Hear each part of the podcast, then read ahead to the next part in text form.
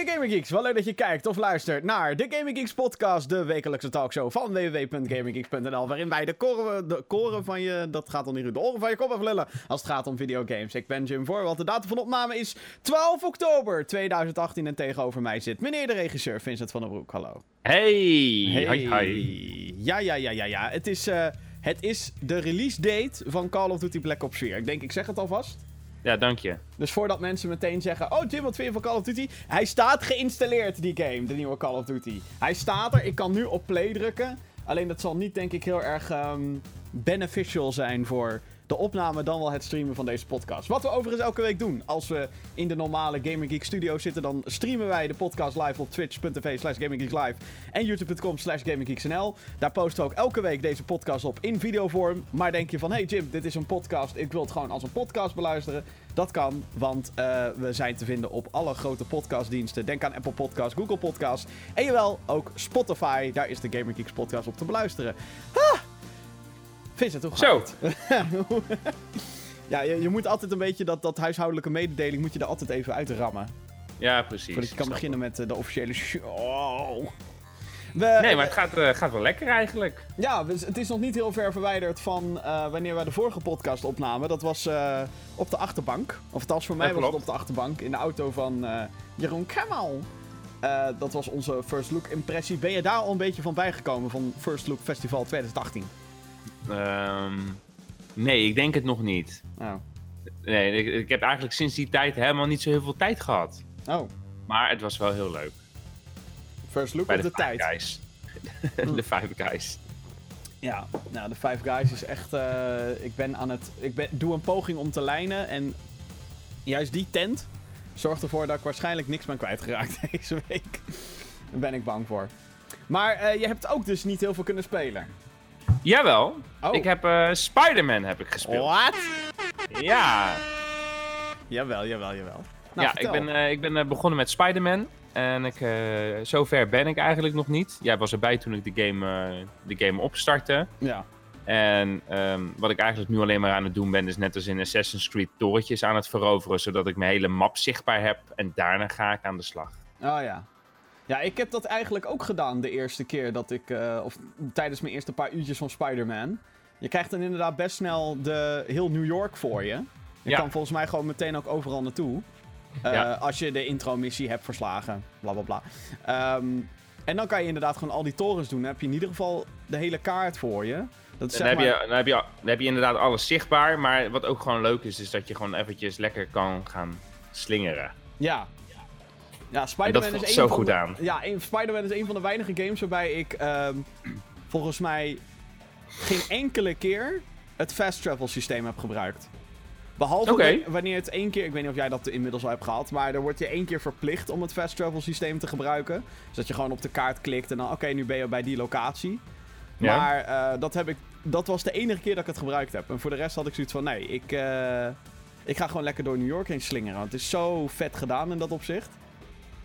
Ja, nee, het is heel tof. Nee, ik heb dat nog niet eh, gebruikt. Ik heb wel gezien dat, het, dat je bij een metropoortje naar binnen kon gaan. Dat dat een fast travel mogelijkheid is. Ja. Maar toen had ik dat nog niet vrijgespeeld. Nee, precies. En eh, heb je ook al de rugzakjes ontdekt? Want er zijn Ja, ben ik ook mee begonnen. Eh, maar ik dacht, ik doe eerst die torentjes en daarna ga ik alle rugzakjes doen. Oh ja. Behalve dan de rugzakjes die in de buurt zitten. Ja, precies. Ja, ja ik, vind die, ik vind ook die backpacks... Ja, het zijn gewoon... Je kan het zien als stomme collectibles. Maar in Spider-Man... eh, vertellen, vertelt elk dingetje wat je oppakt... daar vertelt hij dan een klein verhaaltje bij. En dat vind ik zo tof gedaan. Eh, het is echt een beetje hoe, die, hoe ze die wereld willen opbouwen. En het valt me trouwens ook op dat een game zoals Spider-Man... zoveel verhaal wilt vertellen. Maar dat is Ja, maar, misschien... maar Spider-Man is ook best wel verhalend, hè? ja, Het is tuurlijk. best wel verhalend. Maar gewoon de manier, ja, jij hebt nog niet heel veel gespeeld. Dus ik, ik ga ook helemaal niet zeggen over bepaalde personages. zou ik sowieso niet doen. Maar eh, ja, ik, ik, ik hoop gewoon dat jij nog verrast gaat worden over bepaalde dingen die er gaan gebeuren. En ik vind het echt, eh, in dat opzicht is dit sowieso al de beste Spider-Man game. In Ja. heel veel opzichten is dit de beste Spider-Man game ooit. Dus ik ben, Ja, ik ben benieuwd. Ik ben in ieder geval tot nu toe erg, eh, erg hyped. En ik vind het, eh, ik vind het, eh, ik vind het ja, ontzettend fijn, fijn wegspelen. Gewoon, ja, je kan gewoon eh, drie uur lang niks doen. Dan alleen maar slingeren door de stad heen. over niks doen gesproken. ik, heb, ik ben nog steeds bezig met Assassin's Creed. Dat Ja. staat natuurlijk op mijn playlist. Eh, Assassin's Creed Odyssey, de nieuwe game eh, van de Ubisoft-serie. Die, eh, ja, het wordt of steeds gekker of het wordt steeds weirder. En nu wordt het alleen maar groter, lijkt het wel. Dat is nu een beetje de, de, de, het, het trucje met deze serie. En dat vind ik eigenlijk wel meer dan prima. Het is een open world game die zich afspeelt in het oude Griekenland. En eh, het is eigenlijk gewoon Assassin's Creed Origins. Dat was de game van vorig jaar. Maar dan nog groter, eigenlijk. En dus in een ander tijdperk. Wat het dus best wel fijn maakt. Want ook al stoorde ik me persoonlijk niet heel erg aan de setting van Origins. Dat was in het oude Egypte. Dat was toch wel heel veel zand. En het feit dat je nu allemaal Griekse eilanden hebt met bossen en grote bergen en grote standbeelden en soms ook grotten, dat is toch best wel cool. Dus ik ben, ik ben blij dat ze, zeg maar, en het, het voelt gewoon weer lekker vertrouwd aan. Soms moet je wat dingen voor lief nemen, dus dat animaties niet heel mooi zijn en dat je soms wel echt dezelfde dingen aan het doen bent, maar ja, ach, het is Assassin's Creed. Dus ik laag er niet over. Maar daar, daar ben ik pas. Hoeveel uur heb ik eigenlijk gespeeld? Ik denk een, een stuk of 18 of zo. Oké, En Zo. op, op het percentageteller staat 20%. en het is natuurlijk ook heel erg afhankelijk van hoeveel stukken je van het verhaal doet. En, eh, want zijn missies stellen minder mee met die, met die percentage dan. Nou ja, dat zijn allemaal van die rare tellingen. Maar eh, op dit moment heb ik wel zoiets van: oké, ik ga hier waarschijnlijk nog eh, minstens eh 40 uur aan kwijt zijn, denk ik. Ja. En dat zullen geen 40 uur zijn waarin ik me per se verveel. Want ook maar je had het over dat het steeds groter wordt. Hoe bedoel je? Steeds groter? Wordt de map ook steeds groter dan? Of... Ja, nou, die van Origins was wel echt gigantisch. Dat oude Egypte. Maar goed, daar was je gewoon door heel veel zand aan het rijden. En nu is het, zijn het gewoon een stuk of tien eilanden, waarvan een paar echt huge zijn. Ja. Waar je gewoon wel echt een kwartier over doet om gewoon in één rechte lijn van de bovenkant naar de onderkant te rijden op je paard. ja. Als die op max snelheid gaat. En nou klinkt dat niet per se als heel lang, maar in game tijd vind ik dat wel lang. En, en wat is nou een beetje het verhaal? Nou, het verhaal is, ja, ik wil niet te veel gaan spoilen, maar wat ik dus al heel cool vind, is dat je de keuze krijgt om als Alexios, dat is de dude, te spelen. Ja. Of als Cassandra, dat is eh, de, de chick. Ja. Ehm, tussen die twee personages kan je kiezen aan het begin van de game. En het verhaal is eigenlijk dat jij een stukje speer van Leonidas hebt. Ja. En eh, je wordt, eh, in, jij, in jouw jeugd wordt jouw broertje of zusje, afhankelijk van wie je Ja. speelt, wordt als een soort van offering wordt die van een, een berg afgeflikkerd. Oké. En eh, jij, of je dan Alexios of Cassandra bent, probeert jouw pa daarvan tegen te houden. Vervolgens word jij ook van die klif afgedonderd. En kom je er dus op den duur achter dat je een soort van destiny hebt. En, en nou ja, dan ga je de wijde wereld in om conspiracies te stoppen. En een cult die ongetwijfeld leiden naar de Templars van de Assassin's Creed reeks. Oké. Maar dat is Maar zit- eigenlijk... Ja? Ja, zit Troje en dat soort shit er ook in? Nou, eh, je hebt wel Spartans versus Athens. Athena versus Sparta, om het in het Nederlands te zeggen. Ja. En wat ik dus wel cool vind, is dat je dus eh, elk stuk land, dat kan je naar een bepaalde alliantie kan je dat ehm, buigen. Je bent zelf een mercenary. Eh, Ja. Zo stel ik me ook op in die wereld. Dus ik heb ook vaak zoiets van dat ik in gesprekskeuzes, want die zitten er voor het eerst in in Assassin's Creed. Dat je kan zeggen, ja hallo, betaal maar, want ik ben een mercenary. Ik ben een Mythioth, zoals dat genoemd Ja. wordt in het spel.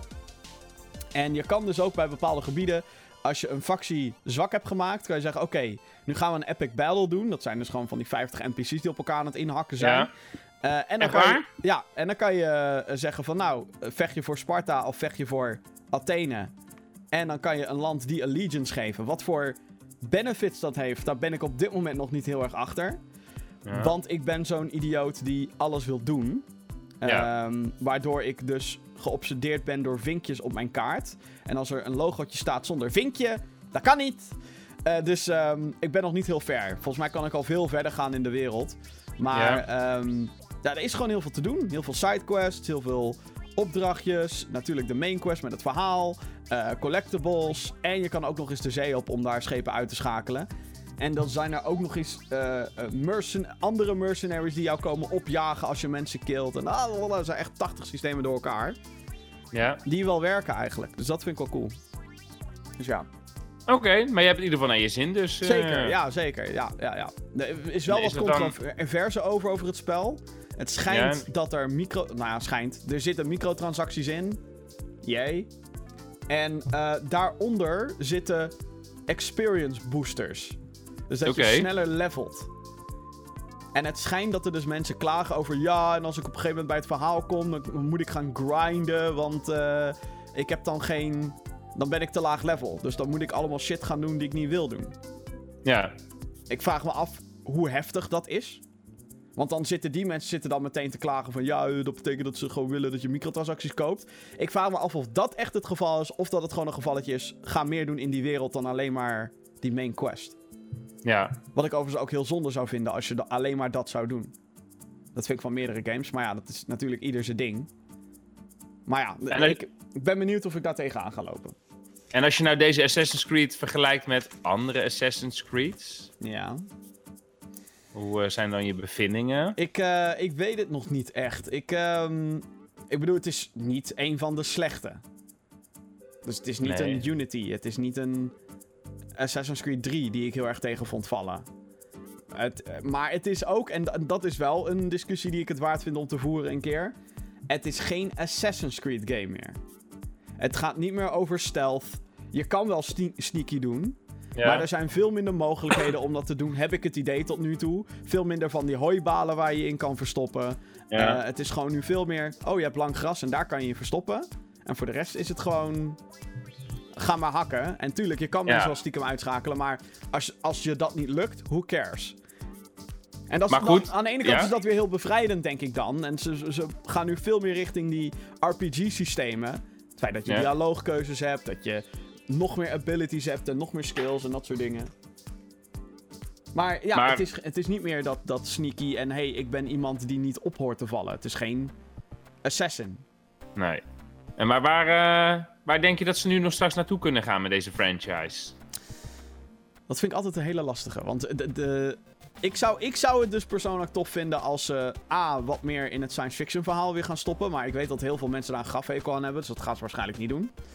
Eh, en ja, ik wil toch weer iets meer dat het sneaken wat meer zin heeft of zo. Het is nu zoveel ehm, nadruk op dat hele... Oh, hey, je bent een RPG en het is actie. En Ja. natuurlijk, weet je al, ik snap dat. Want dat is gewoon heel breed en iedereen kan dat. En, hè, maar ik zou het toch gewoon weer tof vinden als je weer die sfeer hebt van... Ik ben een Mhm. guy die in de schaduwen leeft en die onopgemerkt targets moet uitzien te schakelen. Nee, maar ik bedoel, zeg maar, wat kunnen we nog echt gaan doen? Met, of wat gaan ze nou, nu nog echt kunnen doen met de franchise? Welke, de Romeinen, is dat een de next thing? We hebben nu de... Eh, nou, de Romeinen kwamen al heel veel voor in Origins. ja? Caesar was daar een character in, onder andere. Ja, oké. Eh, ik denk Japan. Japan hebben ze nog niet gedaan. Ah, ja. China wel in een, een spin-off 2D-game, maar Japan zou heel goed kunnen. Of, wat ik al sinds jaren schreeuw, doe een keer gewoon een Assassin's Creed in de Eerste of Tweede Wereldoorlog. Het zou kunnen. Zeker de Eerste. Het zou echt wel... Als je dat goed aanpakt en op de juiste locatie neerzet, zou, zie ik dat wel zitten. Het, je moet Maar denk je wel- dat ze daar bewust mee wachten dan of zo? Ja, ik denk dat ze nu te vertrouwd zijn met de formule die er nu is. Dus Ja. vooral niet te veel geweren. En als er geweren zijn, dan kunnen ze dat eens in de 15 seconden afvuren. Zoals bij Unity bijvoorbeeld, of bij Syndicate. Mhm. Ehm, en met zo'n... Zeker Tweede Wereldoorlog wordt dat natuurlijk best wel lastig. Ja, Maar ik denk, nogmaals, als je het in de juiste setting doet... en in de juiste, op de juiste manier aanpakt... eh, dan kan dat wel. maar ik vind, dat, eh, ik vind China eh, en Japan, de zijderoute en dat soort staf, dat is inderdaad wel interessant eigenlijk. Ja, daar kan je echt nog alle kanten op. En dan kan je ook een heel ander verhaal vertellen ook. Ja. Dus ik eh, ben heel benieuwd. Maar Odyssey is wel echt weer dat ik zeg, nou eh, jongens, eh, zeker, het is ook zo'n lekkere game. Dat als je terugkomt van werk en je bent helemaal back Ja. af. Hup, controletje aan. Ik speel hem op de PC, maar alsnog controletje aan. Ja. En gewoon ga maar wat doen. Of dat nou een verhaalmissie is, of een zijmissie, of een daily mission. Waarbij je alleen maar extra resources krijgt, zodat je je schipje kan upgraden. Dat is gewoon lekker. Dat vind ik gewoon lekker aan die game. Ja. Dus ja, muziekje erbij kan dan ook, weet je, als je geen verhaal shit gaat doen. Ja. Dus ja, eh, zin in. En ook om Call of Duty nu erbij te gaan spelen. Oh my god, Black Ops 4. Dames en heren. Blackout. Ehm, het is, eh, ik moet heel eerlijk zeggen, die game nogmaals, hij staat klaar om gespeeld te worden. Heb ik nog niet gedaan. Nou, nou, nou zullen, zullen we snel deze podcast afronden? Oké, dat was het. Doei. Grapje. Ehm, maar ik heb er wel echt heel veel zin in. Ik, ik dacht eerst van, fuck deze game. Geen singleplayer campagne. Hoe durven jullie? Vind ik nog steeds overigens. Waarom geen singleplayer? Um, maar nadat ik een paar betas heb gespeeld, heb ik zoiets van, oké. ik wil wel uh, een paar potjes doen. En ik ben heel benieuwd hoe dit gaat aflopen tegen Fortnite en tegen PlayerUnknown's Battlegrounds. Uh, Fortnite blijft waarschijnlijk onbeschadigd. Nog steeds weet ik hoeveel mensen die dat blijven spelen. Maar het is wel minder aan het worden volgens mij. Ja, de hype is natuurlijk wat minder. Het is niet nieuw meer nu, Fortnite. Het bestaat nu gewoon. Weet je al? En, en dat is, heb je altijd met dat soort games. Maar zeker Player Unknown's Battlegrounds. Ik denk dat die over een paar maanden echt... Uh, echt Gone is. 50% van hun playerbase kwijt is. Ja. Want ik denk dat deze game het gewoon heel goed gaat doen. Het doet elke Call of Duty natuurlijk. Zelfs de slechtste, tussen aanhalingstekens, Call of Duty's doen het nog steeds ja. supergoed. En worden 15 miljoen keer verkocht. Nou, daar kunnen andere games van dromen om dat soort getallen te bereiken. Um, dus ja, ik ben heel benieuwd hoe het Battle Royale genre nu gaat shiften. Ik ben er alleen absoluut geen pro in. Ik heb ook die beta gespeeld van de Battle Royale Call of Duty mode. Die heet Blackout. Ik ben er echt niet goed in. Dat hele landen op een plek, snel wapens verzamelen en dan hopen dat je niet doodgeschoten wordt. Ja. Het is, uh, maar ik zie dat wel. Ik, ik, wil dit wel weer echt gaan spelen. En, en als, als ik die Battle Royale shit niks vind, zijn er al die multiplayer modes en de co-op zombies. Dus op zich zat te doen. Genoeg vreugd. Ja. Zometeen gaan we het hebben over um, hoop voor de Walking Dead fans. De game dan. De televisieserie is echt... Uh, die is ook de helft van zijn kijkers kwijtgeraakt. No joke, by the way. Uh, Bully, die komt mogelijk terug. En gaat Guerrilla Games, bekend van Horizon Zero Dawn, misschien wel de multiplayer kant op. Natuurlijk gaan we ook de mailbox openen. Dus of je dit nu live meemaakt of je luistert dit achteraf zoals een podcast eigenlijk bedoeld is. Uh, stuur een mailtje naar podcast.gaminggeeks.nl met jouw prangende vragen. Want daar gaan we zo meteen naartoe. Maar, Vincent. Ja, Jim. Wat verwacht jij van de aankomende generatie consoles? Nou ja, ik, ik verwacht op zijn minst een uh, eh, UHD-player die erin zit. Je bedoelt een uh, Blu-ray Ultra? Nee, een, een, ja precies, een 4K-player. Ja. Zit bij de Xbox One S en de Xbox One zit dat sowieso. Ja, maar bij PlayStation 5 dan. Dus dat, dat, dat is wel iets wat ik op zijn minst verwacht. en ik hoop... Schandalig dat in de Pro zit. Niet in de Pro zit. Ja, en ik hoop dat, uh, dat de games die ik nu allemaal behartig heb op mijn PlayStation 4... dat ik die mee kan nemen naar de PlayStation 5. Daar hebben we natuurlijk de vorige podcast even over gehad. Maar ik hoop dat dat er wel, dat dat er wel in komt. Ja, want waarom vraag ik dit? De aanloop naar de volgende generatie is begonnen. Uh, Microsoft heeft namelijk afgelopen week Project X Cloud aangekondigd. Dat is een streaming uh, streamingdienst waarmee gegamed kan worden. Joh. Vergelijkbaar met bijvoorbeeld Netflix. Hè. Je zet een, een, een, een serie aan, hoppakee, daar is het. Uh, PlayStation Now wil dat concept doorvoeren en Newtomic. Die heb ik beide niet geprobeerd nog, dus ik kan daar niet over oordelen hoe dat werkt. Uh, dit valt samen ook met geruchten dat Microsoft voor de volgende generatie twee verschillende Xbox-producten op de markt brengt. De codenaam Scarlet zou een streaming-only boxje worden. Dus een soort van Chromecast eigenlijk, maar dan van Xbox. Of een Apple TV of whatever. Ehm, terwijl er ook een duurdere op de markt zou komen. Waar dan daadwerkelijk de hardware in zit. Zodat je gewoon lokaal alles goed kan spelen.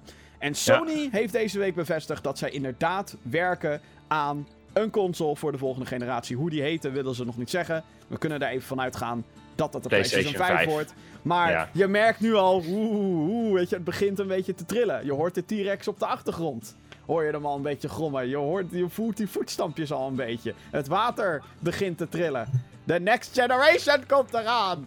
Maar ja, wat willen we van de PlayStation 5 en Scarlet? Jij wil dus uh, een UHD-player. Ja, ik heb een 4K-TV en daar haal ik nog niet het uiterste uit. Dankzij, uh, dankzij PlayStation. Sony. Dankzij PlayStation. Nou ja, dankzij PlayStation kan ook een UHD-player uh, kopen. Maar dat als dat combined was, was dat wel interessant geweest. Ja, en natuurlijk gewoon uh, full 4K. Ik bedoel, met je, bij, je, bij je PlayStation 4 heb ik toch uh, de indruk dat dat allemaal wat geskild is. Ja. Dus, dat, uh, dus dat wil ik gewoon het volledige eruit halen. Ja, en dan kunnen we wel het, het voor de hand liggende zeggen. Meer kracht, meer zus, meer zo. Maar op zijn minst een, een 4K-player. Ja, ik zou het dus heel erg fijn vinden als we naar hè, dat 4K inderdaad de standaard wordt. Daar kunnen we een beetje van uitgaan. Ehm, 4K is nu zeker op de PlayStation 4 Pro. Zijn er weinig games die volgens mij daadwerkelijk 4K 4K draaien. Maar 4K is, weet je al, dat is een resolutie. En dat Ja. is eh, heel erg mooi, die grote resoluties. Maar even voor het concept. Ik heb een nieuwe monitor gekocht dit jaar. En die was niet eens 4K. 1440p. Eh, dat is Ja. waar de meeste PlayStation 4 Pro games volgens mij op kunnen draaien. Ehm, dus als we 4K 60 fps als doel hebben, ben ik heel blij. Ja. Want het is toch die speelbaarheid die dan denk ik belangrijk behoort te zijn. Ja. En die, ehm, ja, weet je wel, die, die, die, het, het, ik merk gewoon dat het, die PlayStation 4 en Xbox One zaten van het begin van de generatie al vaak te trekken, zeg maar, qua framerate van, hoe kunnen we dit wel handelen? Ja. En ik ben dan zo'n PC-goeroe die dan zegt PC Master Race. Want hey, je hebt daar gewoon de beste eh framerate op als je een beetje een goede videokaart eh, hebt. Maar het is wel zo. En ehm, tuurlijk, met hardwareverbeteringen kan je verwachten dat dat erin zit. Maar we moeten natuurlijk meer hebben dan alleen hardwareverbeteringen. Ehm, ik hoop vooral dat ze kijken naar het gemak. Gewoon, hey, PlayStation Store werkt gewoon. En ik hoop dat ze vooral consumer-friendly blijven. Dus dat, dat niet straks dat streaming door onze neus geboord wordt. Nee, dat hoop ik ook niet. Want dan zit ik met een heel groot probleem. Ja. Heel veel mensen zitten met een groot probleem. Want ik, ik vind het zo verbazingwekkend dat we nu zoveel projecten over streaming te horen krijgen. Utomic, PlayStation Now, Ja. Project X, Google had vorige week ook al eh, eh, die, dat Project Stream aangekondigd. En dan denk ik, ja, dat is allemaal leuk en aardig, maar onze internetverbindingen zijn daar gewoon nog niet klaar voor. En in Amerika al helemaal niet, want daar hebben ze nog, eh, en volgens mij ook in bepaalde Europese landen, je hebt daar datalimiet. Mhm. Dus hoe fucked ben je dan als je dan, oké, ik wil Assassin's Creed spelen. Oh ja, daar, was je, daar ging je 30 gig aan data. Nou, daar zit, dat is het probleem wat ik nu op dit moment ondervind. Datalimiet. Echt waar? Ja, ja, ja. ja, Heb ja. jij datalimiet? Ja, is, serieus, Jim. Op Eh, thuis internet? Nou, ik, ik, eh, ik heb je verteld vorige week, hè, met die strijd tussen die, eh, tussen die internetproviders. Ja. Dus was 65 euro voor de coax. Nou, ik ben naar T-Mobile gegaan, 4G voor thuis. Maar daar heb je, kijk, ze zeggen wel onbeperkt. Maar ik heb 100 gigabyte die ik kan besteden. En daarna, als dat op is, dan krijg je iedere dag 5 gigabyte. En als die op is, kan je onbeperkt met 2 gigabytes kan je aanvullen. Oh. Maar ik moet dus, als mijn 2 gigabyte voorbij is, zeg maar. Dus ik zit nu in de fase dat ik 7 gig per dag heb. Dan is het dus steeds klikken op een knoppie. En halverwege stopt natuurlijk dan je programma als je in een download Ja. zit of iets Ja. in die richting. Op dat knopje drukken. Dus indirect word ik wel beperkt door het onbeperkte. Dus ik Ja. zit daar eens even heel goed over na te denken of ik niet naar een andere provider alsnog moet gaan. Omdat ik binnen nu zeg maar in een, eh, in, in Maar een het is 14 wel- dagen bedenktijd zit. Ja, ga verder. Maar het is wel natuurlijk in die zin dan zo dat je wel onbeperkt data kan bijvullen. Het is alleen fucking Ja. irritant. Ja, oké. ja. Maar eh, zie dat nou met je Spider-Man gamepie. Die me 50 gig kostte. Dat zou Om dus alleen dat te downloaden, ja. Om te downloaden alleen. Dan, dan, zit, dan is me halverwege, ben ik halverwege mijn 100. Stel nou dat ik nu een Spider-Man game wil gaan downloaden. Of Far Cry, die ik hopelijk ooit nog eens via de brievenbus binnenkrijg. dat is een verhaal voor straks. Hoe heet het? eh, hoe lang, eh, dan, dan, dan zit ik dus om de minuut of om de twee minuten, of om het half uur, ligt eraan hoe hoog die snelheid is, moet ik op een knopje drukken. Nou is het verschil natuurlijk wel dat met dat streaming hoef je geen game te downloaden. Nee, maar je moet nog steeds op een knopje drukken. Ja, dat is waar. En je moet nog steeds, ja, je bent natuurlijk al continu signalen in en Ja. aan het uitsturen, ja. Kijk, en als ik die game gewoon op die CD overzet. En dan heb ik dan wel eens waar niet de uh, geüpdate variant dan ervan. Maar dan is het wel. eh, ja, dan zit ik wel continu op een knopje te drukken anders. Waar ik zeg maar ook bang voor ben met dit hele streaming gebeuren en eh, de digitale revolutie waar we nu middenin zitten. Het feit dat steeds Ja. meer games digitaal worden. en wat is nou eigenlijk nog het nut van zo'n fucking hoesje als je alleen maar een fucking code krijgt om die Ja. in te voeren. Eh, waar ik bang voor ben, en dat wordt nog erger als we naar streaming gaan, het behoud van die games. Kijk, ook al wordt een game van Steam afgeflikkerd, ik kan hem nog steeds downloaden als ik hem gekocht heb voordat hij er vanaf Ja. is gegooid. PT. Ja, die kan je niet meer downloaden. Nee, wel op maar je hebt hem wel. Ik heb hem nog wel, ja. Ik, ik, ik, ik heb hem nog op mijn PlayStation 4 schijf staan. Maar die is echt helemaal eraf geflikkerd. Maar met. eh, dus dat is eigenlijk een uitzondering. Kut, wat een slecht voorbeeld presenteer ik nu. Maar eh, ik neem even dan Batman Arkham Knight als voorbeeld nu. Die werd van de PC afgehaald van de Steam Store. Van we verkopen die niet meer, was een te kutpoort. Maar degenen die hem al hadden, kunnen wel nog steeds die game downloaden en spelen. Met Ja. streaming ligt de macht volledig bij de andere partij. Volledig. Dus dan is het van, oh hey, wij hebben geen rechten meer tot een liedje in een game. Nou, dat gebeurt trouwens ook al vaak. Dat dan Steam games of digitale games van de markt af worden gehaald. Omdat, ze, omdat dan de rechten van muziek bijvoorbeeld verloopt. Ehm, maar dan is het zo van, oké, ik kan het niet meer spelen. Weg. Want je bent Ja. het aan het streamen. Je bent al compleet afhankelijk. Net zoals hè, de frustratie die je hebt bij... Hè, kut, is die film of serie niet meer op Netflix? Nou, dat krijg je dan nog erger bij een game. Tuurlijk, want je hebt er tijd in- geïnvesteerd. En ik ben echt serieus bang, en dit is al heel erg doemdenken dit, maar dat hele streaming, wat is het verdienmodel daarvan? Hoeveel krijgen die ontwikkelaars daar in godsnaam van?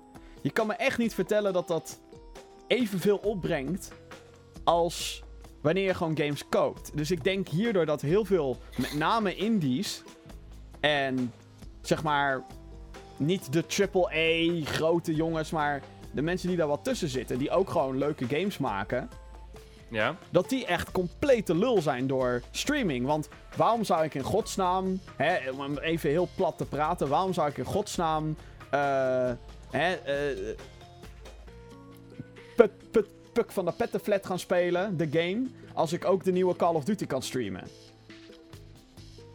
Ja, Terwijl met kopen is het van, oh hey, ik heb niet zoveel geld voor Call of Duty bijvoorbeeld. Maar Mhm. die indie game die tof is, is 10 euro. Maar dan is die wel gewoon van jou. En kan je hem op elk moment nog oppakken wanneer je dat wil. Ik weet niet, ik zit daar gewoon een beetje... Het is een heel angstgevoel. En dit is allemaal natuurlijk richting dat streamen. Ik mag hopen dat de PlayStation gewoon nog helemaal is... Hé hey jongens, douw je disc erin en let's go. ja je maakt mij niet, ik geloof niet dat het de, de overhand gaat nemen. Ik geloof dat niet. Nee, ik hoop het ook niet. Niet, niet, niet, zolang, niet zolang iedereen die het er niet mee eens is zijn bek opentrekt. Ja. Of gewoon vote met zijn wallet. Ja, En waar ik natuurlijk ook dan een beetje tegen zit, is stel dat alles een fucking subscription wordt, moet je overal een fucking subscription voor betalen. Doen we eigenlijk al. PlayStation Plus, Nintendo Switch Ja. Online, Netflix, internet, mobiel. Alles is een subscription. Eh, dat is natuurlijk een vaste soort van bron van inkomsten voor die partijen, dus dat snap ik ook wel. Maar het is. ehm, ik heb echt geen zin om nu nog een keer 20 euro per maand neer te leggen voor games. Ik heb dan liever dat ik 60 euro betaal en gewoon een hele game binnenhark dan 20 euro elke maand. ja, dat komt omdat je dan niet weet wanneer je zou moeten stoppen ermee. Ja, Maar ja, oké, het is ook niet helemaal waar, want je betaalt natuurlijk 20 euro dan per maand voor, neem ik aan, een totale game library. Ja. Niet per game. nou dat zie je nu met Xbox Game Pass heeft dat bijvoorbeeld. Dat is nog dat je gewoon games kan downloaden en Ja. dat je ze dan binnenkrijgt. Ehm, dat zijn inderdaad iets van 120 plus, vraagteken. Games voor 10 euro per maand, ja dat is echt een koopje. Dat is natuurlijk super cheap. Ja, En in die zin snap ik wel dat het heel aantrekkelijk is. Want dan betaal je eigenlijk gewoon in theorie 120 euro per jaar. En je krijgt alle nieuwe exclusives van Microsoft komen er ook op. Dus dat scheelt je in die zin wel weer geld. Maar ik denk dat het gewoon heel erg situatiegebonden is. nou, voorlopig hoop dat het nog een beetje een ver van mijn bedshow is. eh. Ja, want wanneer denk jij dat het gaat gebeuren? De PlayStation 5 en de Xbox Scarlet. Goeie vraag. Ik denk volgend jaar aankondiging 2020 eh, wordt die gelaunched. Oeh. Ja. Ik denk dat ze in hetzelfde jaar willen gaan launchen als aankondigen. Maar dat ben ik. Dat is eigenlijk alleen maar op basis van hoe dat is gegaan met de PlayStation 4 en de Xbox One. Die werden in maart, april werden ze allebei aangekondigd door middel van een persconferentie. Niet tegelijkertijd natuurlijk de. Ja, Eh, en toen in november, september kwamen ze uit. Dus dan kan je zeg maar die hype. En, en, maar je merkt het ook aan, aan de games. Zeker bij PlayStation is het zo van ja, eh, we hebben nog The Last of Us, we hebben nog Death Stranding. En we hebben Days Gone, die komt in februari. ja. En eh, ja, voor de rest. eh, oh, Ghost of Tsushima hebben we ook nog. Maar voor de rest weten we nog helemaal niet waar ze mee bezig zijn. Maar denk je volgend jaar het jaar erop? Ik denk 2020. Ik Ja. denk volgend jaar is het laatste grote jaar voor de PS4. Dat gezegd hebben, het is natuurlijk niet zo dat als de PS5 uitkomt, dat dan de PS, PS4 ineens dood is. Maar ehm, ik denk dat volgend jaar komt The Last of Us Part 2. Volgend jaar komt Days Gone. Volgend jaar komt hopelijk Ghost of Tsushima. Death Stranding, dat moeten we dan nog maar zien. Want dat is een Hideo Kojima game en die doet altijd 80 jaar voordat hij zijn games eh, afmaakt. Mhm. Eh, Dreams mogen ze ook wel eens een keertje fucking gaan uitbrengen. Wordt ook wel een keer tijd.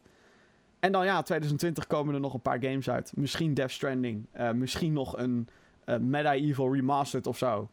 En dan daarna Ja. is het PS5. Let's go. En dan worden daar weer allerlei games voor aangekondigd. En, Ik denk op zich wel dat je gelijk hebt met, eh, met je uitspraak tot release en aankondiging in hetzelfde jaar. Want het zou natuurlijk stom zijn met hoe hard de technologie nu ook gaat.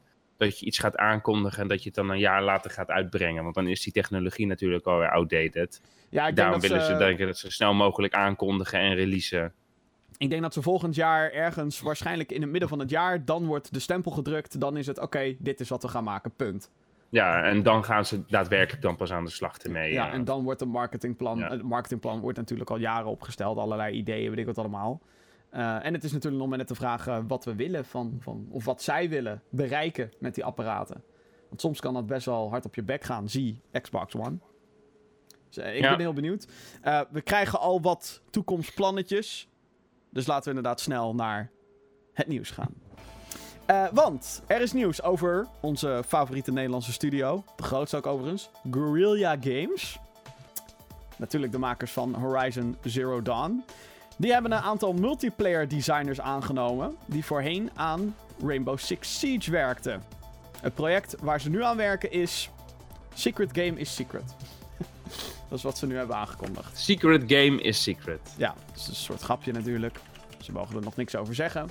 Maar ja, de grote vraag is natuurlijk wel: multiplayer designers aangenomen. Hmm. Hmm. Wat betekent dit? Waar is Guerrilla Games in godsnaam mee bezig? Ja, ik denk met iets nieuws.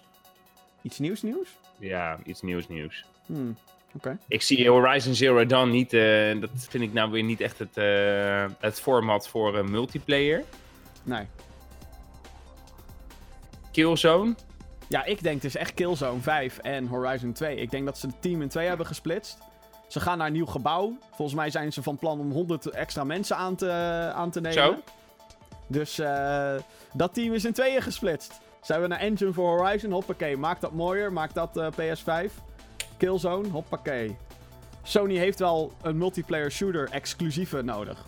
Om straks tegen Halo en tegen Gears of War, of sorry, Gears 5 te gaan strijden. Ja. Dus ja, ik eh, ben heel benieuwd. Eh, We gaan er waarschijnlijk nog lang niks van horen, denk ik. Nee, dat denk ik ook niet. Maar we zijn wel gegarandeerd tot, eh, tot succes, denk ik, met die studio. En nee, Killzone is niet slecht. Heel veel mensen lopen Killzone af te zeiken. Ik vond Killzone Shadowfall op de PlayStation 4 best een leuk spel. Vanaf volgend jaar is het eindelijk mogelijk om je PlayStation Network ID-naam te wijzigen. Je weet wel, je nickname die op de Yay. PlayStation eindelijk eh, eh, te zien is. Dit was jarenlang niet mogelijk. Er werd heel veel over gezeken. Eh, er komt een soort preview-programma.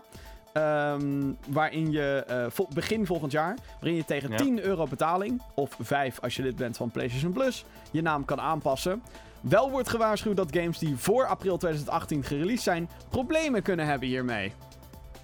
Dus kan het zomaar zijn dat leaderboards fucked up zijn, dat je online naam fucked up is als je dan online komt. Maar ik vind dit schandalig. What? ja? Vind je dat? Dat je, dat je tegen 5 euro betaling je naam mag wijzen. Dat is bij Xbox is dat ook al jaren zo. Dat is schandalig. Hoezo? Nee, ik vind dat is toch onzin? Dat je geld moet betalen Mm, mm. Om je naam te kunnen Wow, wijzigen. wow, wacht even, wacht even. Ik ben vergeten hierbij te vermelden dat je één keer je naam kan wijzigen, gratis.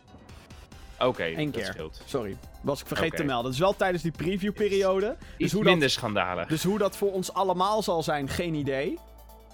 Maar het schijnt dus echt een heel technisch kutverhaal te zijn. Gewoon de manier hoe ze dat PlayStation Network hebben opgebouwd. nou, dan hebben ze dat verkeerd opgebouwd. Ja, inmiddels tien jaar geleden. Dat is allemaal op gaan stapelen, al die problemen. En nu is het, eh, ja... Ze, ze kunnen ook nog niet zeggen wat dan de problemen gaan zijn. Met games die voor ap- 18, of, eh, eh, april 2018 gereleased zijn. We leven dan in 2018. Het lijkt wel het millennium probleem. Ja, nou dat is het eigenlijk wel, ja, een beetje. Zo moet je het zien. Uiteindelijk viel die schade mee, geloof ik. Bij mij wel althans. Ja, je PlayStation ontploft doordat je je naam Ja. aanpast. Omdat het nu 0-0 wordt in plaats van 99. Oh mijn god, jongens. Ja, maar dan nog. Ik bedoel. eh, Ik, het- weet, ik weet nog heel goed, m- m- mijn vader was fucking bang dat zijn PC eh, straks niet meer zou opstarten. Hè? Dat was echt Ja. gewoon, die was echt Ja, bang. dat weet ik. Dat was echt, dat was echt een ding. De supermarktdeuren zouden niet meer open gaan. En, eh, Alle bankautomaten zouden geen Oh. geld meer geven. nee. nee, het was echt een ding, het millennium probleem. Het was, eh, weet je wat het ook was? Uiteindelijk. Fake news. Eh, eindelijk goed nieuws, niet fake nieuws, voor fans van The Walking Dead, de game van Telltale. Eh, de seizoen 4, de final season, die zal afgemaakt worden. En niet als in gekilld, maar als in completed. Ja, ik denk ik benader het Ja, ja, dat is een Als in 100% afgemaakt. Gewoon klaar gemaakt worden. Eh, het eh, eh, Skybound, het bedrijf van Robert Kirkman, de bedenker van de stripboekenreeks The Walking Dead en de schrijver van de televisieserie, die heeft dus aangekondigd dat ze het gaan afmaken. Ze hopen originele ontwikkelaars terug te krijgen om de laatste twee episodes af te maken. Mocht je het gemist hebben, ik denk inmiddels een maand geleden werden 250 werknemers, inmiddels zijn dat er meer, plots ineens ontslagen. Was van, hé, hey, over een half uur moet je het pand uit zijn. Eh, we kunnen het financieel niet meer trekken. Eh, hun games verkochten niet genoeg meer. En dat terwijl The Walking Dead, de final season, nog twee episodes te gaan had qua ontwikkeling. Op zich wel goed nieuws natuurlijk. Ehm, ik ben alleen benieuwd hoeveel van die originele ontwikkelaars ze nu nog terug kunnen halen. Want die waren natuurlijk allemaal in complete paniek en zouden waarschijnlijk zo snel mogelijk gaan solliciteren overal. Ja, Eh, en het is ook niet zo dat ze dan 250 man weer terug gaan aannemen daarvoor. Dat zal een Dat klein team zijn. maar als je een leuk zakcentje in je vrije tijd eh, kan eh, verdienen. en je contract staat ertoe. Nou ja, heel veel mensen hebben natuurlijk, hadden natuurlijk plots geen contract meer. Dus ja, als ze dan nu meteen komen met het aanbod van... hé, hey, dit is natuurlijk voor een paar maanden. Het is niet zo dat ze hier jaren weer aan kunnen werken. Ehm, want ze maken alleen maar de final season af. En daarna moeten ze dan... Maar dan kunnen ze in ieder geval op zoek naar iets anders... terwijl ze werk hebben. Dat is toch wel fijn. Hartstikke fijn. Terwijl Red Dead Redemption 2 zijn release nadert, oh mijn god jongens, nog twee weken, zijn er geruchten gaande dat Rockstar, de ontwikkelaar dus van onder andere Red Dead Redemption 2 en Grand Theft Auto, bezig kan gaan zijn, eh, ze zijn misschien bezig met Bully 2. Er zijn casting calls uitgegeven waarbij jonge mensen en tieners gevraagd worden. En in de beschrijving worden scripts vermeld met licht geweld en scheldwoorden. En ook worden er types gezocht die universiteitsprofessoren zouden kunnen spelen. Eh Bully, in Nederland ook wel bekend als Kennis Kenem Edit. Bullshit. Is een open world game uit 2006. En hierin speelde je een moeilijke tiener op een kotschool die de boel op stel kwam zetten. Ik hoop dat die titel Canis Canim Adet weer gebruikt gaat worden. Gewoon in ik vind het, wel echt- ik vind het een toffe titel. Maar wa- wa- wat betekent het eigenlijk? Ik heb geen idee. Voor, Ja, voor- zullen we dat, we dat even opzoeken in Latijns? Bully, Bully is dus die open world game. eh 2006 was volgens mij. eh, eh, ik, ik heb volgens mij de originele PS2 eh, release heb ik nog. En die game werd, moest dus van naam veranderen omdat er te veel pestgedrag zou. eh, eh, hoe noem je dat? Aanwakkeren. Alsof dit dan helpt. Volgens mij is dit ook gewoon een trolltitel van Rockstar geweest. Want iedereen weet al hoe onze fucking game heet en wat het is. En hoe het logo eruit ziet. Dus we noemen het gewoon Kennis Canon Edit.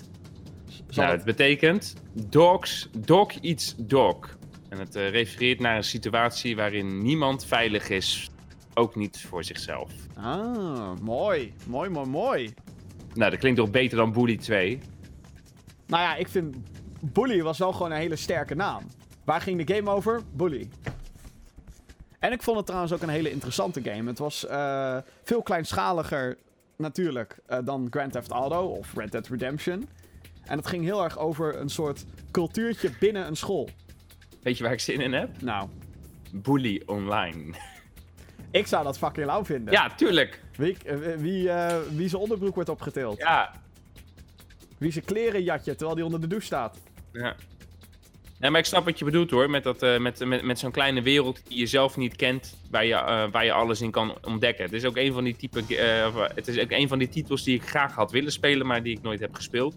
En ook nooit meer zou aanraken, omdat het nu gewoon te outdated is. Ja, precies. Ja. Ik wil hem nog wel een keertje spelen, maar dan word je inderdaad snel geconfronteerd met dat soort dingen. Nogmaals, lijkt mij fucking vet. En lijkt me ook sowieso heel vet om Rockstar dan misschien wel meerdere projecten weer te zien doen. In plaats van, oh hey, GTA 5 en vijf jaar later krijgen we dan eindelijk Red Dead Redemption. Uh, Ja. Ik ben wel benieuwd hoe dit nu ontvangen gaat worden als ze dit weer zouden maken. Uh, met hoe, weet je wel, hoe nu de cultuur online is. Want dat is wel echt heel erg anders. Alles- is nu natuurlijk anti-pesten en anti-dit. Je hebt natuurlijk series zoals 13 Reasons Why die eh, eh, de zeer negatieve gevolgen van extreem, maar echt extreem, extreem pestgedrag en gewelddadig gedrag. Maar ja, dat is toch wel een beetje waar Bully ook over gaat. Dus eh, ja. Lijkt me interessant hoe ze dat aanpakken, maar ik denk they don't give a shit. Mm, dat in laatste zij- denk ik ook. Zij doen gewoon lekker wat ze willen. En dat moeten ze ook doen, want daar zijn ze nou eenmaal het beste in. Website Kotaku die meldt interessant nieuws. Namelijk dat ehm, eh, Obsidian wellicht gekocht gaat worden door Microsoft. Eh, Obsidian is de ontwikkelstudio achter Star Wars Knights of the Old Republic 2, Pillars of Eternity 1, Pillars of Eternity 2 en voor Vincent waarschijnlijk het meest interessant Fallout New Vegas. Afgelopen E3 kondigde Microsoft al aan meerdere studio's te hebben overgenomen. Eh, hieronder vallen Ninja Theory van Hellblade, Senua Sacrifice, Undead Labs van State of Decay, Compulsion Games van We Happy Few en Playground Games van Forza Horizon 4. Die was nog niet van Microsoft kennelijk. Dus ja, Obsidian misschien naar Microsoft. Ja, en dan? Ja, eh, ik denk... Ze, kunnen, ze, ze gaan geen Star Wars kunnen maken, ze gaan geen Fallout kunnen maken. Geen... Nee. Maar ja, ze kunnen, met Pillars of Eternity hebben ze wel veel bereikt. Eh, gigantisch succesvolle Kickstarter. Eh, iedereen die door is op dat genre RPG was helemaal dol op. Ja. Dus ja, dat zou wel weer een goede naam, aan, naam zijn die Microsoft dan weer... Zo van, hey, dit is ons ploegje versus Ja, jouw ploegje, Sony. Dat is, dat, maar dat is inderdaad wat, eh, wa- wa- waarom dit gedaan wordt. jongens, die, eh, die nieuwe Xbox die, eh, waar we het net over hadden, dat gaat eraan zitten te komen. Wat gaan we daaraan doen om dit keer wel genoeg launchtitels te hebben? Of sowieso titels waar mensen echt voor naar je platform willen komen. Want de Xbox heeft gewoon bijna niks. Nee. Het najaar van Xbox bestaat uit Forza Horizon 2. Toegegeven, het najaar van eh, PlayStation bestaat nu uit Spider-Man. Maar goed, dat is dan wel Spider-Man. Ja, En ehm, we hebben nog zeg maar titels waarvan, we, waarvan heel veel mensen echt denken: holy fuck, wil ik nu spelen? Zoals, nou, ik vind Days Gone, lijkt me super vet. The Last of Us Part 2 dan nog. En Ghost of Tsushima. Eh, en dan hadden we hiervoor natuurlijk de hype van God of War en Spider-Man. En ja, wat had Microsoft? Crackdown 3 en Gears 5? ja, Ik denk namelijk dat Halo Infinite inmiddels misschien wel een volgende Xbox-project is. Zou me niks verbazen. Inmiddels. Mhm. Maar goed, dat moet wel nog eh, een goede zaak van Microsoft om weer dit soort studio's aan te, eh, althans, naar zich toe te trekken. Ehm, wat dat gaat betekenen verder voor de studio zelf, weten we niet. Het is ook nog niet officieel aangekondigd. Dit is nu wat Kotaku meldt, maar die zijn, zijn meestal wel op het eh, rechte pad. Zeker als ze ook bronnen hebben binnen het hele cirkeltje. Dus ik vertrouw op dit bericht. Goeie zet van Microsoft dus. Dan is er een patent opgedoken die mogelijk zou hinten naar backwards compatibility voor de aankomende PlayStation 5. Oftewel, dat je games kan spelen van een oude platform. Hierin wordt, Yay. hierin wordt beschreven hoe de nieuwe hardware zich inzet om oude textures te remasteren, tussen aanhalingstekens. En dat dat dus gedaan wordt met de kracht van de hardware in plaats van dat iemand iets qua software moet doen. Oké, Ja, interessant. Dus eigenlijk een beetje hè, wat, die, eh, wat, die, wat die televisies nu hebben. Noise reduction, uitrekken van, eh, van beeld, eh, dat soort eh, dingetjes. nou ja, een beetje wat alsof je een SNES Mini hebt in plaats van een Super Nintendo, denk ik. Oké, raar voorbeeld. Maar alsof je een, een, alsof je een oude game op een nieuwere PC speelt. I guess. ben wel heel benieuwd hoe ver deze backwards compatibility dan gaat. Ik denk dat ze fucking dom zijn als ze niet toelaten dat de PlayStation 4 speelbaar... Dat alles wat je hebt gedaan en wat je hebt gekocht en whatever... Dat moet gewoon... Op je PS5 moet dat gewoon speelbaar zijn. Van Ja. PS4 naar PS5. Ja, precies. Anders gaan minstens 85 miljoen mensen fucking pissig worden. Ja, maar ik bedoel, dit is, dat is toch ook nu de hele trend. Je kan je oude mobieltje van, eh, kan je overzetten naar je nieuwe Ja, en de Xbox heeft natuurlijk die... eh. Xbox heeft ook die backwards compatibility met notabene Xbox 360 en Xbox... Ik wilde zeggen One, maar dat klopt niet. Dus eh, eh, kijk, de droom is voor mij dat ik straks een Pla- PlayStation 1 hoesje kan pakken. De disc eruit kan halen en in mijn PlayStation 5. En dat je dan dat oude PlayStation logo krijgt en dan fuck yeah. Ah. Ja, dat, dat, is, dat is de droom. Of die waar gaat worden, dat weet ik. Maar laat het in ieder geval eh, waar worden voor eh, je PlayStation 4 Ja. titels. Nou, als we daar al komen, dan, eh, dan ben ik al heel erg blij.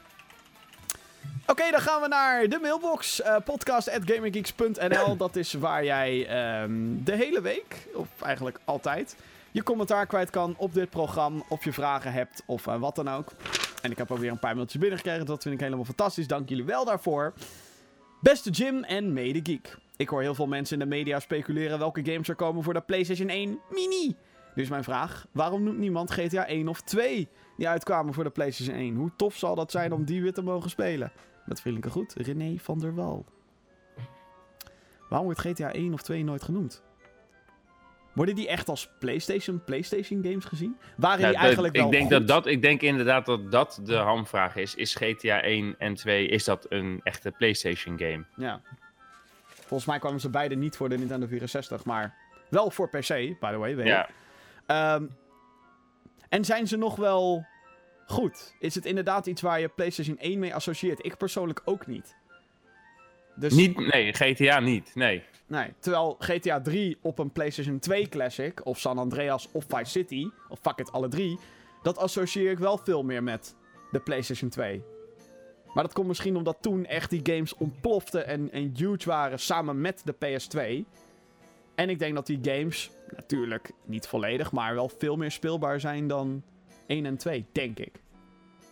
Dat zijn ook top-down, dat zijn niet echt 3D-games. Het is ook zo van, hm, ik weet niet. Maar goed, met een beetje geluk voor jou en Jim is de PlayStation 5 backwards compatible naar zelfs je PlayStation 1 game. En dan kan je net alsnog spelen. Maar weet je, in alle eerlijkheid, de PlayStation 3 kon wel gewoon PlayStation 1 games afspelen. Ja, dat eh, is ook zo. En ik denk, serieus, ik denk dat ze alleen maar een, een update van de firmware hoeven te doen. En de PlayStation 4 kan dat ook. Denk ik. Ik zie Ja, daar, maar dat, weet je, dat, dat zijn wij met onze Ja, kennis. Maar Ja, ja, ik weet- nog. ik weet dat- denk het ook. ik weet, kijk, Ik denk het ook. PlayStation 3 games, dat is weer een ander verhaal. Want de PlayStation 3 was een drama, technisch gezien. Eh, een hele andere type processor, waar de ontwikkelaars het allemaal wel moeilijk vonden. En dat is... eh, van wat ik heb gehoord en heb gelezen, is dat heel veel mensen het nog steeds lastig vinden om een PlayStation 3 emulator goed te draaien op een Ja. PC. Omdat gewoon die hele archi- architectuur van de PlayStation 3 binnen was compleet anders. Dus ja, is last- lastig. Dus Ik moet wel zeggen dat ik. Ik bedoel, ik, ik ben natuurlijk trots bezitter van een PlayStation 4. Sinds Pro. twee jaar alweer. Oh, dat is bijna twee, anderhalf. Ja, ik weet het niet, het Twee anderhalf. Dus, ehm, en dat ik het gevoel heb dat die zeg maar minder snel outdated is geraakt dan de PlayStation 3. Alhoewel ik het wel zie bij games als Battlefield en Call of Duty. Assassin's het bij Assassin's Creed, als ik ook PS4 beelden zie, denk ik ook oeh. Oeh. Dus oké, je, be- je begint ook het oeh, oetje te Ja. krijgen. Ja, Ja. Ik, eh, maar heel eerlijk, ik had dat ook een beetje bij Spider-Man soms.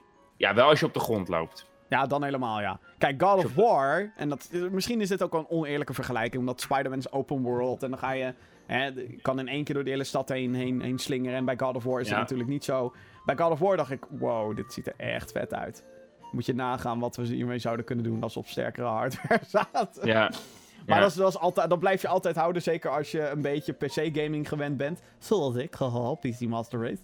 Maar ehm, ja, je merkt gewoon aan de titels, en zeker dan die van derde partijen, dat ze struggelen om echt nieuwe graphics te brengen zonder dat de hele performance naar beneden getankt wordt. Maar zou, zou het niet tof zijn als je een nieuwe PlayStation uit modules bestaat?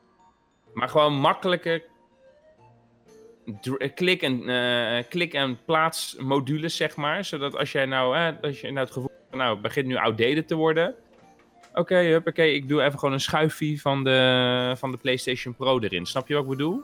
Gewoon dat je dat, dat, dat je dat ding terugbrengt, gewoon wat die voeding, dat kan gewoon blijven. Dat, je het gewoon terugbrengt naar, eh, naar modules. Een beetje de, een expansion pack idee van de Nintendo 64. Ja, dus dat je, eh, en dat je, dat je het er gewoon inklikt. Als je het gevoel hebt van, oké, nou, eh, nou wordt die out, outdated. Weer een eh, PlayStation te bouwen. Of een PlayStation 5 Pro. Maar hey, we hebben nu een nieuwe card module. En dan kan je die erin schuiven. Ja, Zo, Ik- Voor jou bijvoorbeeld. Hè, jij wilde natuurlijk een... je zat er toch aan te twijfelen voor een PlayStation Pro. Wel niet doen, wel niet doen. Maar als dat dan gewoon een, eh, een, een kaartmodule was geweest... Ja. was, dat, was dat misschien aantrekkelijker geweest. Nou, dat je, want het is nu best wel makkelijk al bij PlayStation 4. Ik kan even niet voor de Xbox spreken, maar het is daar best wel makkelijk om daar de harde schijf al van om te wisselen. Ja, Dus ja, als inderdaad dat soort... uit- Dan ga je natuurlijk wel weer komen met... eh, eh, welke games draaien er op welke module. Dat is een beetje waar je dan mee gaat zitten. Ehm, nou ja, nee, dat hoeft niet. En Eh, ik hoeveel bedoel, alle games. modules oh, ja, en, en eh, om hoeveel jaar en hoeveel gaat dat kosten, bla bla bla, bla. Dan ga je natuurlijk wel Maar- een beetje van de spirit van een console af. ja, maar dat is toch ook niet met de PlayStation 4 en de PlayStation 4 Pro? Diezelfde Spider-Man games draait toch bij mij als bij jou? Ja, dat klopt. Maar op den duur ga je natuurlijk wel, eh, zeker als je meerdere modules gaat introduceren. Het ligt er maar net aan hoe ze dat willen gaan aanpakken. Ik, ik, ik, ik vind je idee wel heel interessant. En dan zit ik met name met, oh ja, bij de Nintendo 64 werkte dat eigenlijk best wel. Alleen was daar dan ook wel weer kut dat je dan een paar games had die die expansion pack vereisten. Maar het belangrijkste is dat het zeg maar gewoon makkelijk is. Dus je, je schuift het erin en het is klaar. Niet dat je met een schroevendraaier moet gaan zitten kutten. Want dan wordt het. Weet je, dan is het hetzelfde als met een PC. Dan kan je net zo goed je PC open kunnen eh, doen. Maar als je gewoon zeg maar gewoon van Sony, die heeft net, eh, net als met de iPhone, net als met de Apple. Dit is gewoon. Dit is allemaal een Apple-product en je weet dat het op je Apple werkt. Dus je sch- schuift het erin en klaar. Hoeven niet meer naar om te kijken. Ik vraag me wel af hoe dat technisch, of dat technisch gezien dan mogelijk is. Want wij hebben allebei gezien hoe een PC in elkaar gezet wordt. Tuurlijk, Mhm. je zou kunnen zeggen, hé, hey, dat is even klikken, maar dat moet dan wel op het moederbord bijvoorbeeld. Een videokaart moet op het moederbord en lalala. En het is niet Ja. zo dat je een, video, een extra videokaart via USB kan aansluiten. Ik weet dat ik het nu heel erg simpel maak, maar... Oh, dat zou een technische uitdaging zijn, maar ik vind je idee wel tof. Nou, gelukkig. eh Ja, nee, jij het- top, ik maar probeer het niet lullig te brengen. gaat doen. Nee, nee, nee, dat weet ik. Nee, weet ik, ik weet dat het niet lullig is. Nee, verre van. Maar of de PlayStation dit ooit hoort, dat is een tweede. Dat bedoel ik. En of, dat, ja, of daar inderdaad wel de interesse eh, in zit. Ja, precies. Dus ja. Oké. Ehm, ja, een mailtje van Stefan. Command Conquer Remaster is in de maak. Oh my fucking god. Helaas wel door EA, maar wat zijn jullie hopen en gedachten hierover? Komende microtransacties eh, wordt het net als de mobile game? Vertel het ons! Ik heb dit inderdaad gelezen. Ehm, er schijnt iemand op een forum gezegd te hebben, die bij EA werkt, van ja, eh, we zijn bezig aan de 25th anniversary of zo van Command Conquer. Eh, die is pas in 2020. eh, om daar iets speciaals mee te doen. Ik lees hier nu ook een headline van Gamer.nl. Alsjeblieft, daar is je reclame. Eh EA verkent opties voor remasters oude Command Conquer games. Ehm, ja, dat heeft dus inderdaad een EA-producent gemeld op Reddit. Eh, Oké. Ik zou het super interessant vinden. Kijk, je kan wel zeggen, helaas is het EA. Maar het is Command altijd Conquer door EA is- gemaakt. Exact. Is altijd al EA geweest. Dus, ehm rare observatie vind ik dat. Overigens is EA niet altijd slecht. En als je zegt, dat is niet waar, dan zeg ik, hé, hey, wij hebben dit jaar A Way Out gespeeld en dat was best wel awesome. Dus, Dat was hij zeker. we moeten Unravel 2 ook nog steeds spelen. Daar verheug ik me ook Ja. heel erg op. Ehm, ja, eh, ze hebben gewoon een beetje heel erg eh, een, een, een vieze smaak te pakken bij mij als het gaat om Command Conquer door inderdaad die mobile game. Ehm bah. Hou op. Maar ehm, ja, als ze die oude games weer gaan remasteren, lijkt me dat super vet. Het nadeel is wel is dat het hele oude strategy games zijn. Dus als je letterlijk die alleen maar gaat high-res en dan weer gaat uitbrengen, denk ik dat heel veel mensen de moeite mee gaan hebben van... Oeh ja, eh, zeg maar die handigheid, functies die je nu hebt in nieuwere strategy games, die zijn er dan niet. Ja, maar je krijgt linksom of rechtsom ga je zij krijgen. Ja, Of je het nou wel aanpast of dat je het nou niet aanpast. exact, ja. Ik zou helemaal in zijn. Ik zou heel graag Red Alert 2 gewoon dezelfde muziek behouden. Eh, assets creëren die gewoon bijna één op één lijken op de oude assets van Commander Conquer Red Alert 2. Hou de cheesiness erin. En je moet je natuurlijk afvragen of ze dan die tussendoor filmpjes niet opnieuw moeten draaien.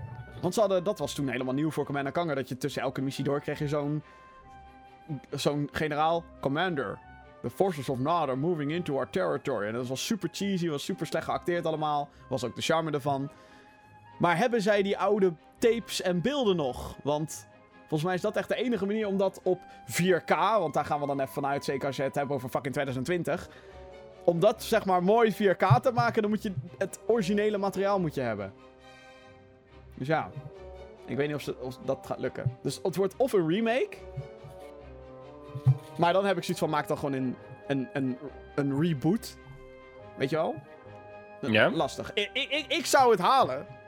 Echt waar. Maar ja, het is nog zo ver weg en we weten er niks van af. Ze zijn alleen maar aan het kijken naar. Dus ja, ik, eh, ik weet het niet. Ehm, of er dan microtransacties in komen, ik mag het godverdomme dan hopen van niet. Nou, dat denk ik ook niet. Nee, dat denk ik ook niet. Het is namelijk dan geen mobile game meer. Zeker niet als het letterlijk remasters worden van het origineel. Dan kunnen ze namelijk gewoon fucking veel geld verdienen door er vooral vanaf te blijven verder. Dus ja. Eh, jeetje, Mina, ik zie nog heel veel vragen binnenkomen. Dat is leuk. Eh, Jasper, die heeft gemaild. Beste geeks, dit weekend was First Look weer. Eh was erg gezellig. Five Guys was heerlijk. En ook nog eens de beroemde gym spotten bij de kiosk. Wat vonden jullie het leukste van First Look? Vraag vaste kijker en luisteraar Jasper Krap. Wat ik het leukste van, van, vond van First Look. Ja, weet je, als ik op First Look ben. En dat, dat, dat klinkt heel hard, maar ik kom daar niet voor die games. Nee. Ik, ik kom naar First Look om daar verslag te leggen. Achter de camera. Ik film non-stop die dag. Dus mijn hoogtepunten, zeg maar. Die beperken zich tot het drinken van een, een glaasje water en tot rust komen. Ja. Of het eh, filmen van een eh, scheldende Jim. Of het filmen van een eh, scheldende Johan en Jeroen. Maar eh, op het gebied van videogames, eh, nee, ik heb daar niks gespeeld. En dat, dat zal ik ook nooit kunnen op een beursvloer. Ik zal er altijd, eh, wel met een, gespeeld. eh, altijd in een werkinsteek zal ik daarin zitten. Ja, maar je hebt wel wat gespeeld. Als wij iets leuks moeten noemen, was het Lethal League Blaze. Het toernooi. Ja, dat, vond, dat was leuk. Maar ik weet dat Little League, dat is helemaal jullie ding. Hell ik heb me, daar- ik, maar dat is, ik had zoiets van, ja, weet je, het is leuk. Je vindt het ook een leuk spel. Het is wel een leuk spel. Ik ga het niet zo overhypen als dat jij doet. Dat is... eh, dat- League Blaze hype. Ja, jij bent er, jij bent er helemaal, eh, helemaal... eh, Zo, Fan zo, van. Zo zin in dat de- bleek alleen niet in de score, maar dat maakt Fuck niet uit. jou! De revenge. De revenge komt eraan. Kawan gaat neer. De volgende keer. Ehm, ook wat heel vet was, vond ik dan eh, dat er games waren zoals Metro Exodus, Super Smash Brothers was super populair daar. En Kingdom Hearts. Dus ja, dat is wel tof. Ja, wat ik zo zelf oprecht leuk vind, is dat, dan, dat zo'n indie als Deliver Us the Moon, dat die daar dan staat. En dat ze daar dan even tot rust aan te komen zijn nadat ze net een week geleden hun, eh, hun game gereleased hebben. Dat, eh, dat, vond, dat vind ik dan leuk om terug te zien. Ja. Maar verder, eh, hoogtepunt Five Guys natuurlijk. Wout, Wouter die schrijft: Wat is jullie mening over Forza Horizon 4? Ik heb geen idee. Hij staat geïnstalleerd, nog niet gespeeld. Gewoon geen tijd voor gehad. Ik heb ook geen idee, er staat niet geïnstalleerd en ik zal het ook nooit spelen. Jolo Marijn die mailt. Beste mannen van de beste podcast van Nederland, ook wel de Gaming Geeks podcast genoemd. Nou, dan moeten we denk ik nog echt een stuk meer luisteraars en kijkers krijgen voordat we dat kunnen toe-eigenen. Dus zeg het voort! Geef 5 sterren op iTunes, abonneer, dat soort dingen. Dankjewel. Eh ik weet eh, dat Watch Dogs niet de populairste gameserie is, maar zal het mogelijk zijn dat Ubisoft werkt aan Watch Dogs 3? Ik denk het wel. Dat denk ik ook. Die zijn ermee bezig. Het zou me niks verbazen als die volgend jaar ook verschijnt. Want het is alweer een paar jaar geleden sinds Watch Dogs 2. Ik denk dat ze dit niet willen opgeven, die franchise. Want volgens mij is het ook nog steeds winstgevend. Dus ik denk het wel. En, en, het, en het hele hack-principe wordt alleen nog maar eh, Interessanter en interessanter en populairder. Het gaat steeds meer een rol spelen in onze levens. ja. Ik denk wel dat, dat, dat, ik denk wel dat, als, dat, dat ze wel wat meer zo'n insteek zouden moeten kiezen, zeg maar. Ja, ik bedoel, ik zag, ik zag een Watch Dogs 2 cosplayer op First Look. Die met dat, zeg maar, dat masker, dat robotmasker. Dus dan heb je als iets van, weet je, leeft nog wel bij sommige mensen. En natuurlijk, dat design is gewoon fucking lauw. Maar ik, eh, ik hoorde laatst ook weer Johan van, ja, Watch Dogs 2 is gewoon een lekker spel, weet je wel. En ja, iedereen heeft het soort van achteraf gespeeld. Omdat Watch Dogs 1 was gewoon heel teleurstellend. Waardoor heel veel mensen Watch Dogs 2 in eerste instantie skipten. En dat is dan meer dan begrijpelijk. Dus ja, ik, eh, ik, ik snap het wel. Maar ik, ik denk dat, eh jawel, die- dat gaan we terugzien. Denk het wel. Oké, tot zover de mailtjes. Bedankt jongens. Eh podcast.gamergeeks.nl Daar kan je dus de hele week kan je daar je vragen kwijt over van alles wat. Kan een game zijn, kan een kwestie zijn binnen het Geek of Gaming sfeer. En dan beantwoorden wij die graag hier in de show. Ga nog even snel langs de releases van deze week. Ehm, het is oktober, dus dat betekent sowieso een hele drukke periode. We hebben al een aantal grote releases gehad, zoals de datum van opname 12 oktober. Dames en heren, Call of Duty fucking Black Ops 4! Maar deze week komt er nog meer uit. Waaronder Lego DC Supervillains voor de PlayStation 4, Xbox One, de Nintendo Switch en de PC. Dus dat zijn eh, de Joker en alle bad guys van de Superman, Batman, Wonder Woman, whatever. En die spelen nu de hoofdrol in een Lego game. Weer een Lego game. Dat is ook het enige wat ik erover kwijt kan. En denk ik ook wil. Starlink Battle for Atlas komt uit op 16 oktober voor de PlayStation 4, Xbox One en de Nintendo Switch. En die laatste is de versie die je moet halen, want die heeft fucking Star Fox. Het is een ruimtegame waar je gewoon lekker rond gaat vliegen, dingetjes kapot gaat schieten. Ik heb het gespeeld, ik heb het gepre-orderd, want Star Fox. Oh ja, en het is, Is zo'n Toys to Life game waarbij je die plastic... Oh ja, dat wilde ik net gaan vragen. klikken. Is dat dat dingetje waar je bij die, in die Ja, ruimtescheepjes... eh, en het is echt vet, want als je dus bijvoorbeeld een kanon pakt en je doet hem onderste, eh, achterstevoren, dan schiet jouw gun ook naar achter. Oeps. Of je wilt dat misschien wel, kan ook. Strategie, kan allemaal. Eh, ik, ben, ik heb er best wel veel, veel zin in. Ook op diezelfde dag, Warriors Orochi 4 voor PlayStation 4, Xbox One, Nintendo Switch en PC. Een hack game, denk ik. Hm. For Honor Marching Fire DLC, dat is een expansion voor de game For Honor, die 15 miljoen spelers Leeft heeft. hij nog? 15 miljoen spelers werd een persbericht over uitgestuurd eh, deze week. Ja, ik ken dat soort En de telefoon gaat. Laat me met rust. Whatever. Eh, die komt uit op de PlayStation 4, Xbox One en de PC. Maar dat is dus een expansion op een bestaande game. Eh, dan op 18 oktober Return of the Obra Dinn voor PC. Zo, dat was echt één lauw spel. Oh ja. Je vindt het ook echt, zeg maar, het is e- een van jouw favo's, hè? Je hebt hem gepre-orderd. echt... Ik heb hem al gepre-orderd, maar ik heb de Collector's Edition van Oh. 130 euro klaar liggen. Hmm. After four years of development, Return on launch next week. Wat is dit? Voor het Ja, spel. het ziet er wel grappig uit eigenlijk. Even een trailertje. Ja, Eh, Oké. Het is een soort zwart-wit spel. ja ik zie het. Adventure game. Zo zie je maar weer, hè. We worden niet omgekocht om titels op te noemen. Jim die heeft gewoon een lijstje en hij weet ook niet wat dit is. Nee, het ziet er vaag uit. Niet mijn interesse, sorry. Eh, dan, op 19 oktober. What the fuck is dit? Wacht even, ik moet, het, ik moet het even laten zien op de stream ook. Voor de mensen die de videoversie aan het kijken zijn. Even kijken. Eh, het ziet eruit als een adventure game of zo. What the fuck is dit? het soort van zwart-wit en Ja, pixel art. heel erg pixel. Als, volgens mij moet het effect zijn van oud vergaand papier. Ik denk dat dat een beetje de bedoeling is. Nou, ik denk dat het het effect moet zijn van pak je Game Boy erbij. Ja, ik vind het niet aantrekkelijk eruit zien ook. Ook niet de manier hoe het gerenderd wordt als, je, als de camera beweegt, zeg maar. Ja, die moet ik nog even zien. Return of Obra Dinn. Het is echt... eh Het speelt zich af tijdens de 19e eeuw. Maar hoe kom je aan deze info? hoe wist een- je van het Een, bestaan van een deze? releaselijst, ja. Ik eh, haal het ook maar van verschillende bronnen van het internet. Oké, op 19 oktober. Soul Calibur 6 voor de PlayStation 4, Xbox One en de PC. Vechtgame. eh van de makers van Tekken onder andere. Eh, wordt heel lang gewacht op een nieuwe game in deze serie. En ook op 19 oktober Dark Souls Remastered komt eindelijk naar de Nintendo Switch. En dat zijn de releases van de afgelopen week. Ja, Of, eh, van ik zit nog steeds week. naar Obra Dinn te kijken. Ja, nee, dat snap ik, ja. De aankomende week was het trouwens, niet je, afgelopen. maar moet je, moet je nagaan, als je dit spel in VR zou spelen, hoe misselijk je wordt. Jezus. Hou op met me. Ja, oké. Ja, soms heb je vage dingen ertussen zitten. Ja. Ja. Jim, dit is het moment dat jij moet praten. Ja, ik weet het. Ik denk, er, komt, er komt nog één snitje komt er van jou. Nee, nee, nee, er komt geen snitchje meer. Ik ben klaar met Obra. Het is Obra Finn. The Return of Obra Jim. Oké, wat, eh, is er allemaal, Opa Jim. wat is er allemaal te zien op GamerGeeks.nl? Nou, mijn Dead Cells review die staat online, dus ga dat kijken. Eh, het GamerGeek News is ook weer een nieuwe aflevering van online tegen de tijd dat je dit eh, ziet, de videoversie. En eh, natuurlijk het verslag van First Look Festival komt er nog aan. Ik ben heel druk aan het editen. Ja, echt eh, ontzettend druk. Heel erg druk. Nee, echt waar. Nee, niet zo sarcastisch.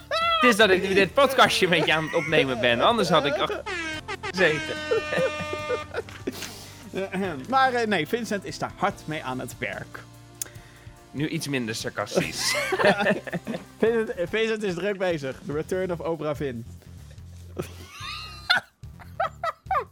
Hij kan niet eens Spider-Man spelen, hij moet First Look editen. Ik, ja, nee, ik moet eh Obra Dinn spelen straks. Oh, arme man. Op stream en zo. Oké, ja, eh, de, de Gaming Geeks podcast. Dit was de 54ste aflevering alweer. Vergeet natuurlijk niet te abonneren op ons YouTube kanaal. youtube.com slash. Daar waar je de videoversie kan zien van, van, deze, van deze podcast.